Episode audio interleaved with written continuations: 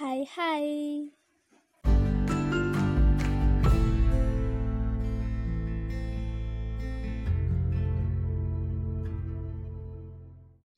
Tentang bagaimana kita bisa realistis dengan kehidupan.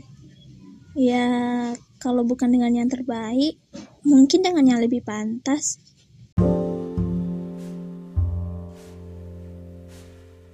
Seorang overthinker itu nggak mudah tiba-tiba kepikiran sama masa lalu. Ketika lagi bahagia, kepikiran sesuatu dan langsung bad mood. Habis main sama teman nih, sampai rumah tuh langsung menganalisis ekspresi teman.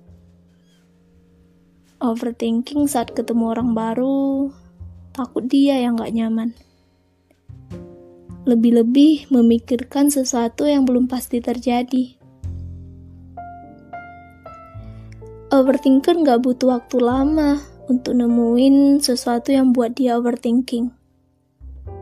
Sesimpel setelah pesan makanan di sebuah tempat makan,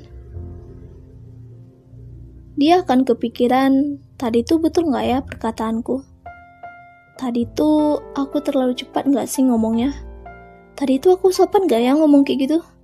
Dan tadi-tadi yang lainnya. Sebenarnya overthinker nggak mau juga memikirkan hal-hal yang sepele yang buat kepikiran berhari-hari. Mencoba untuk menahan diri untuk cuek sama sesuatu yang akan buat dia overthinking.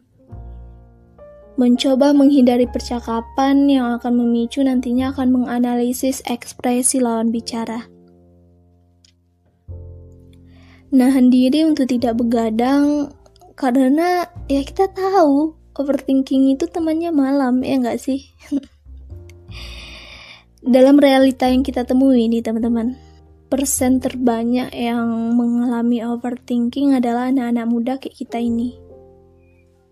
Percaya nggak percaya di umur-umur kita inilah banyak sekali tuntutan yang kita terima yang nggak bisa untuk nggak kita pikirkan mulai dari tuntutan harus masuk universitas ternama, harus lulus dengan nilai tertinggi, harus masuk tiga besar di peringkat sekolah, harus punya IPK yang tinggi, harus lulus tepat waktu, harus kumlaut, tuntutan harus banyak relasi biar mudahnya dikerja nantinya atau tuntutan society dan keluarga tentang calon suami, dan tuntutan-tuntutan yang lainnya yang menjadi bahan overthinking kita. Overthinker kerap kali tidak percaya sama diri sendiri, dengan kemampuan sendiri, dengan sesuatu yang ingin dia mulai. Jauh sebelum dia ingin melakukan sesuatu, Pikirannya malah udah duluan berlari jauh memikirkan hal-hal buruk yang nantinya belum tentu akan kejadian. Ngabisin banyak waktu yang memikirkan hal dan ide baru tanpa mengeksekusi ide tersebut. Dan ujung-ujungnya ide tersebut tetap dalam kepala karena rasa takut, cemas akan hal yang dia alami nantinya.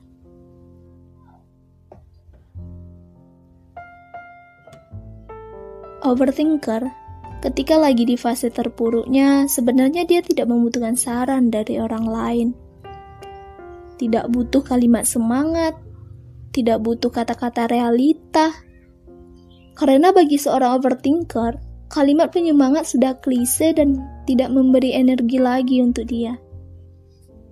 Dia butuh kalimat atau kata-kata yang dosisnya jauh lebih tinggi.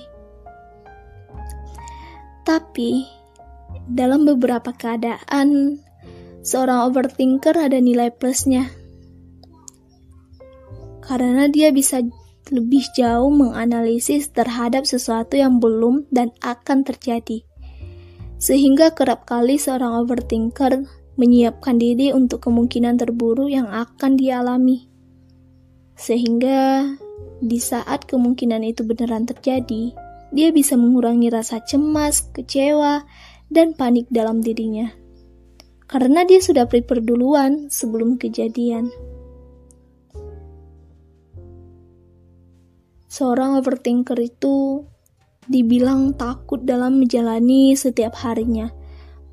Apalagi kalau malam udah datang. Itu dia bertarung dan berusaha untuk melawan isi kepalanya. Jadi, itulah mengapa kita harus paham terhadap apa tujuan dari hidup kita. Selama ini mati-matian bertahan untuk apa sih? Sebenarnya lagi perjuangin apa sih? Mengontrol ekspektasi juga sangat perlu untuk meminimalisir jenuh terhadap proses yang sedang kita jalani. Karena mau gak mau, rasa bosan terhadap yang kita jalani akan selalu menghantui, ya gak sih? Nah, mari kita letakkan fokus kita terhadap sesuatu yang berada di dalam kendali kita. Karena kita punya kendali penuh dalam hidup kita.